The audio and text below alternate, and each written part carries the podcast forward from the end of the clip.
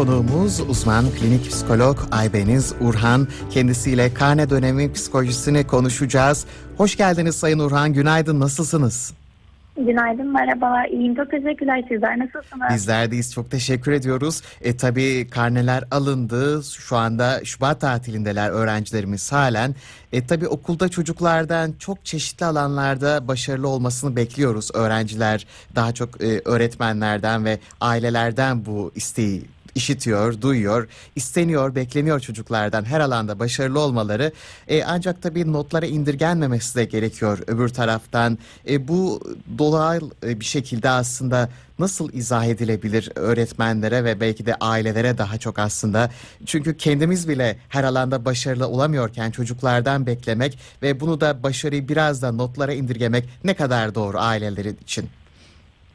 Evet burada vurgu yaptığınız yer gerçekten çok kıymetli. Çünkü söylediğiniz gibi aslında karne ile birlikte çocuğun birden çok alanda başarılı olmasını bekleyebiliyor aileler.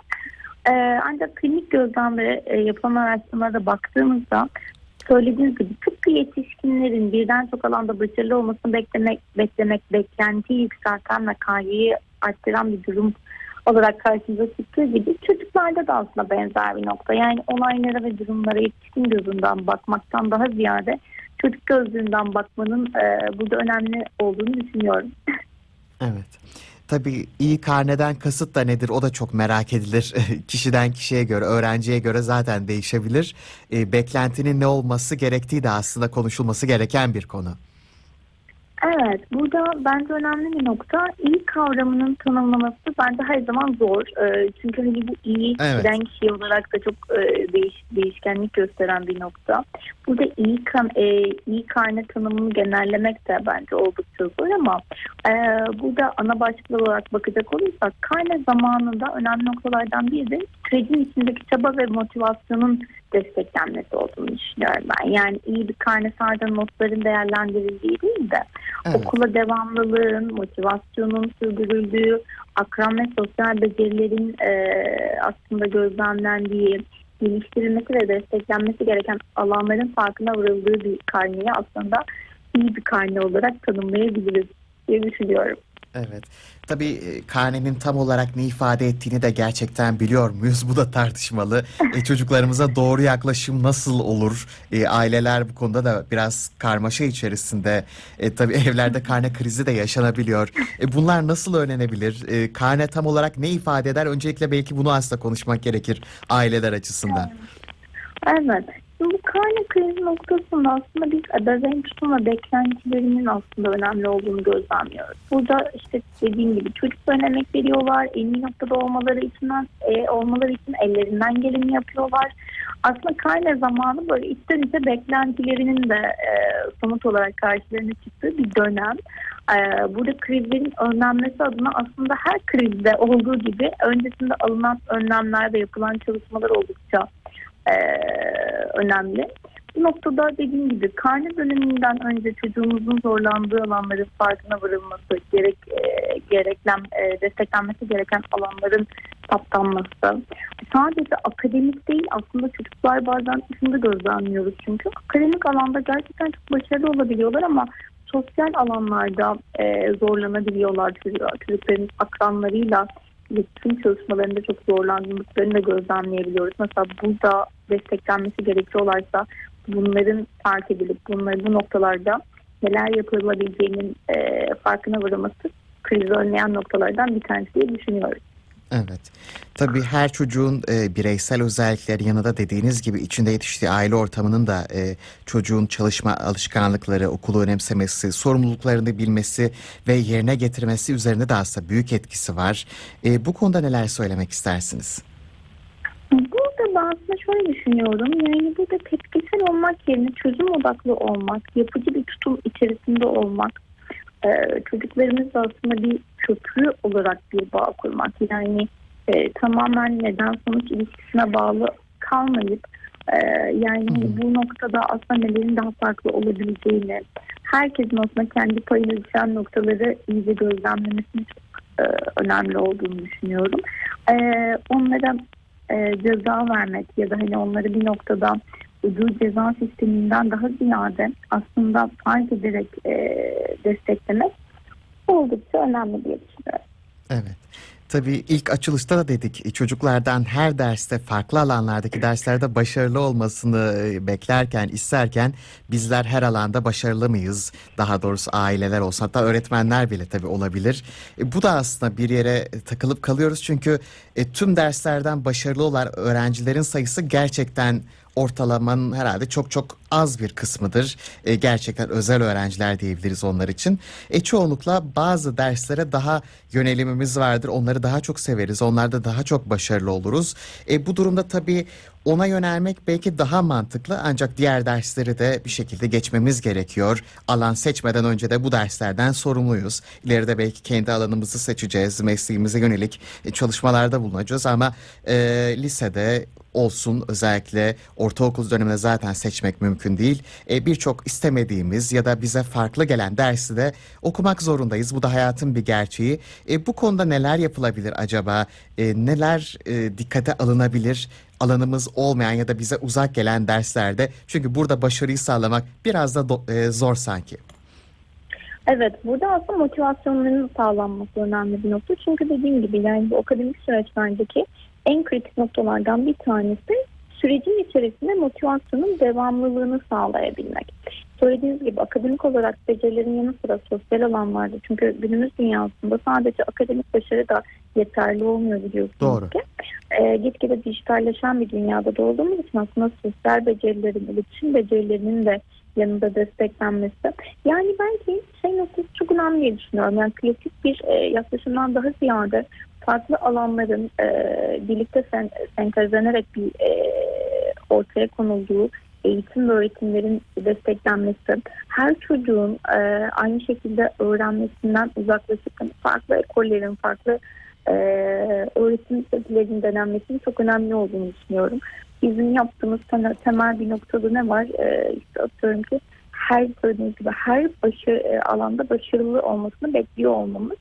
E, çocukların belli alanlara e, ortalamada ortalama bir başarı göstermesi ama farklı alanlara e, başarı gösterdiği alanların da daha fazla üzerine gidilmesi aslında ileriki yaşamlarını da e, etkileyecek önemli bir nokta. Evet.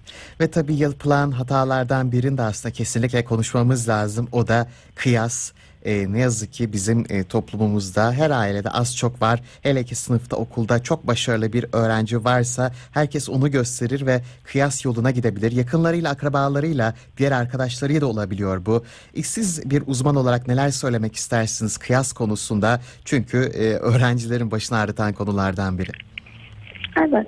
Yani burada aslında kıyas bizler için bile e, kendimizi çok iyi hissettirmeyen bir noktada kalıyor. Yani yetişkinlerin dünyasında da birileriyle kıyaslanıyor olmak, birileriyle kıyaslanarak bizim e, değerlerimizin e, ortaya çıkarılma noktası bizi iyi hissettirmeyen bir nokta. Çocuklarda da aslında kıyas, e, biz aslında burada anne babalar olarak pozitif bir etki oluşturmak adına kıyaslamayı kullanırken çocuklarda daha negatif etkilerini gözlemliyoruz. Yani burada tabii ki çocukların kendi bireysel biricik olma noktalarından kaynaklı olarak neden beni kıyaslıyorlar, neden ben bunu yaşamak durumundayım, neden ee, hani bu noktada gerçekten özellikle e, aynı yaş grubunda akrabaları varsa çocuklar gerçekten kendilerini çok e, daha hani mesela şunu gözlemliyoruz sınav dönemlerinde kaygılarını arttıran bir faktör olarak önümüze çıkabiliyor.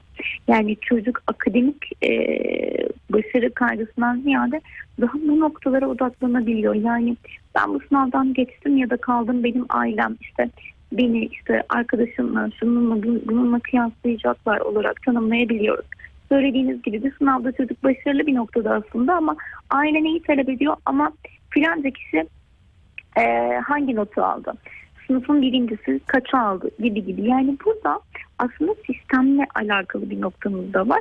Bunun değiştirilmesi ya da e, hepimizin alışık olduğu bir nokta notların e, bizim zamanımızda aslında böyleydi. Şu an e, bazı okullarda bunun değişiklik gösterdiğini duyuyorum ama e, sınav notlarımız herkesin içinde açıklanırdı değil mi? Yani biz ister istemez kendimizi kıyaslama noktasında bulurduk. e, bu da ister istemez kendi öz değerlerimizi negatif etkileyen bir noktada kalıyor. Doğru. E, Kıyas tabii çok olumsuz durumlar yaratabiliyor çocukta da E, hem derslere karşı bir e, antipati de gelişebiliyor ne yazık ki. E, Evet. çocukla tabii bu yan iyi, iyi ol- olanları konuşalım biz iyi olumlu yanları konuşalım.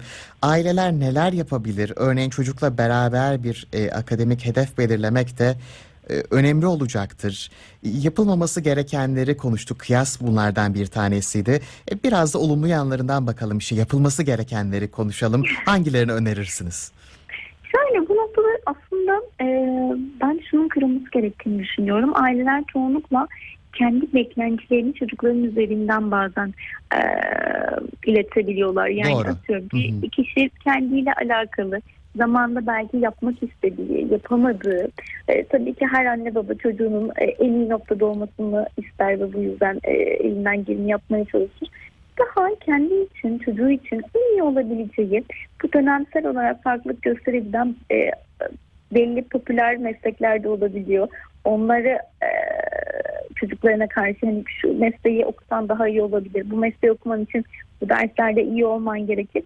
Ama çocuğun bazen bambaşka alanlara bir yetki, e, şey başarısı olabiliyor. Bu alanların desteklenmesi çok kıymetli olabiliyor.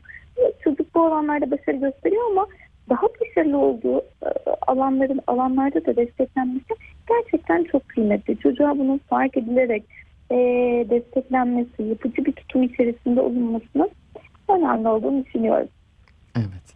Tabii çocukla beraber e, yapılan okula yönelik etkinliklerin de elbette olumlu yanları çok fazla var. Özellikle tam da Şubat e, tatilinde e, tabii bitecek çok kısıtlı bir süre ama ailelere siz buradan neler önermek istersiniz? Özellikle de e, bu süreçte çocuk aile iletişimi de öğrencinin ailesiyle iletişimi de oldukça önemli. Bağların kurulması hem de okula da yardımcı olması açısından e, birçok oyunlar oynanabilir okula da destek olarak. E, Neler tavsiye edersiniz bu süreçte? Özellikle bir uzman olarak görüşünüz nelerdir? E, bu e, hem e, aile bağlarını kuvvetlendirmek hem de okula belki yardımcı olması açısından ne gibi etkinlikler çocuğun bu sürece katılımını olumlu yönde etkileyecektir? Aslında burada baktığımızda en önemli nokta tabii ki iletişim. Çünkü iletişim noktası güçlü olduğu zaman biz çocuklardan aslında her alanda belli noktalarda geri dönüşü ve geri bildirimleri alabiliyoruz. Çocukların başarılı olduğu, olmak istediği, kendini desteklemek istediği alanlar, başarısız olduğu alanlar, bu alanlarda neden e, başarısızlık yaşıyor, alt e, nedenlerinde neler var. Dediğim gibi bu alanlar fark edildikten sonra aslında daha kolay bir şekilde ilerleme sağlayabiliyoruz bizler. Yani bu noktada en önemli nokta yani çocuğun e, belli bir alanda bir başarısızlığı varsa buradaki alt nedenlerin aslında fark edilmesine yönelik desteklenmesi çok önemli tabii ki. Yaş grubu daha küçük olan çocuklarda e, bizim gözlemlediğimiz tabii ki e, bizler kadar iyi bir iletişim becerisine sahip olmadıklarından dolayı oyun temalarını sizin de bahsettiğiniz gibi aslında bir iletişim aracı olarak daha çok e, gündemimizde alıyoruz. Burada örneğin okul e, zamanlarını canlandırabiliriz. Orada nasıl hissettiği, en mutlu olduğu, en mutsuz olduğu zamanlarda hangi zamanların olduğunu fark edeceğiz tarzda oyunları e, alabiliriz oyun yöntemlerimize. Daha ilerleyen yaş grubunda da dediğim gibi iyi bir iletişim e, noktasıyla e, olumlu geri dönüşümlerin alınabileceğini düşünüyorum. Evet. E, Sayın Urhan yarı yıl tatilinde yeni döneme öğrenciler nasıl hazırlanabilirler? E, yeni dönem önümüzdeki hafta başlayacak. E, okula başlama psikolojisi de tabii çocuğu etkiliyor. E, bu süreç nasıl değerlendirilebilir? Nasıl bir hazırlık yapılabilir?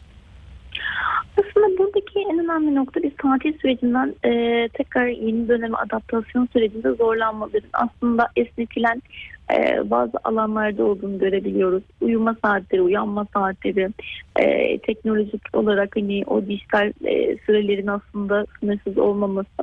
Yani tatil öncesi dönemde de hep söylediğimiz gibi aslında e, belli noktalarda aslında yavaş yavaş mesela hani e, son güne kalmadan aslında önceki dönemlerde de e, planlama yapılması, ona yönelik çalışmaların yapılması ya da gündemimizde bunların olması çok önemli. Bazı e, öğrencilerin bu yarı yıl tatilinde ilk dönem istedikleri gibi olmayan noktaların desteklemek adına da çalışmalar yaptığını biliyorum ve ailelerin de bu noktada desteklediğini düşünüyorum. Buradan devam ettiğimiz zaman da bu yeni dönemde aslında bizim beklentilerimiz, hangi hedeflerimiz var, hangi alanlarda kendimizi daha iyi bir noktada görmek istiyoruz. Bunlara yönelik planlamaların yapılması çok daha olumlu etkiler olarak karşımıza çıkabilir diye düşünüyorum. Evet, bu sürece hazırlık psikolojik açıdan da oldukça önemli. Sadece okul e, düşüncesi ya da dersler konusunda değil, onun e, psikolojisi de apayrı tabii. E, burada öğretmenleri de konuşmak gerekiyor o yüzden belki de biraz. Onlar nasıl hazırlık yapabilir? Doğrusu ideali nedir acaba? Tabii tatil, tatil sürecinden ve tatil modundan çıkıyor olmak hepimiz için aslında çok zor bir noktada. Ee, öğretmen arkadaşlarımız için de tabii ki bu aslında tekrardan yeni bir motivasyonun sağlanması, tekrardan yeni düzenlerin oluşturulması, çocuklara karşı olan noktalarda nelerin daha farklı olabileceği, hangi farklılıkların kullanabileceği aslında çok önemli. Bu alanda belki birbirimizi birazcık süreç içinde de aslında desteklemenin önemli olduğunu düşünüyorum. Sürecin kendi içinde yavaş yavaş da olsa süreci adaptasyonun kendiliğinden daha iyi bir noktaya geldiğine inanıyorum. Evet ve tabii konuşmamız gereken önemli bir diğer konu da okul aile iletişimi. Özellikle de ailenin de katkıları var tabii ki öğretmenlerin de var ve bu iletişimin karşılıklı olması dolayısıyla başarılı olması için çocuğun da devam etmesi oldukça önemli iletişimin. Siz bu konuda neler söylemek istersiniz? Bu yaklaşım nasıl olmalı? Bir bütün çünkü okul, e, aile ve öğrenci bunu da dengeli ve düzenli bir şekilde devam ettirmek gerekiyor. Evet yani sürecin aslında dediğiniz gibi aslında sadece okul başladığı dönemde ve e, okul tatil olduğu dönemden daha ziyade sürecin içerisinde de bu iletişimin sağlanması oldukça önemli. Yani karne dönemlerinden karne dönemlerine öğretmenlerle iletişimde olmamızdan daha ziyade e, başlangıcından itibaren belirli aralıklarla bunu öğretmenler de bazen oluşturabiliyorlar. Belirli aralıklarla velileriyle görüşmek istiyorlar üzerine e, çalışmalar yapmak isteyebiliyorlar, gözlemlerini aktarmak istiyorlar ama burada bizim üstümüzün, üstümüze düşen en önemli nokta da bunların öğretmenlerden beklenmeden bizim talep ediyor olmamız, çocuğumuz hakkında olumlu da olumsuz da yönleri bizim öğretmenlerden öğrenme noktasındaki olan istekliliğimiz sürecin içinde bunun desteklenmesi çok kıymetli söylediğiniz gibi. Evet. E, son olarak ders çalışmak istemeyen çocuğa aile nasıl yaklaşmalı? Hele ki şimdi tam e, bu oryantasyon sürecinin, alışma sürecinde zor olacak öğrenci için. Belki ders başına geçecek. Bunu da konuşalım son olarak. Bu noktada aslında hep şunu gözlemliyoruz bizler. Ailenin hani çok yoğun işte ders çalış dersin yok mu, neden ders çalışmıyorsun gibi sorumluluk noktalarından daha ziyade bu çocuğun sorumluluğu olduğu aslında küçük yaşlardan itibaren çocuğa aktarılmalı. Yani bizim onların hani sürekli olarak e, rehberlik etmemizden daha ziyade çocuk bu bilinçte olduğu zaman e, ders çalışma bilincinde aslında çocuk daha iyiye gidebiliyor. Yani biz bizler aslında onlara hani sürekli rehberlik etmekten daha ziyade bu sorumluluğu e, yaşlarına uygun olarak aslında onları günden güne verebilmeliyiz. Hı hı. Hani bizim sorumluluğumuzda olanlar ve çocuğumuzun sorumluluğunda olanları e, daha küçük yaşlardan itibaren çocuğumuza aktarmanın e, çok önemli olduğunu düşünüyorum. Ee, biz de çok teşekkür ediyoruz katıldığınız için. Sayın Ayveniz Urhan kolaylıklar, başarılar efendim size de. Çok teşekkür ediyorum. İyi yayınlar diliyorum Sağ olun, sizlere. çok teşekkür ediyoruz.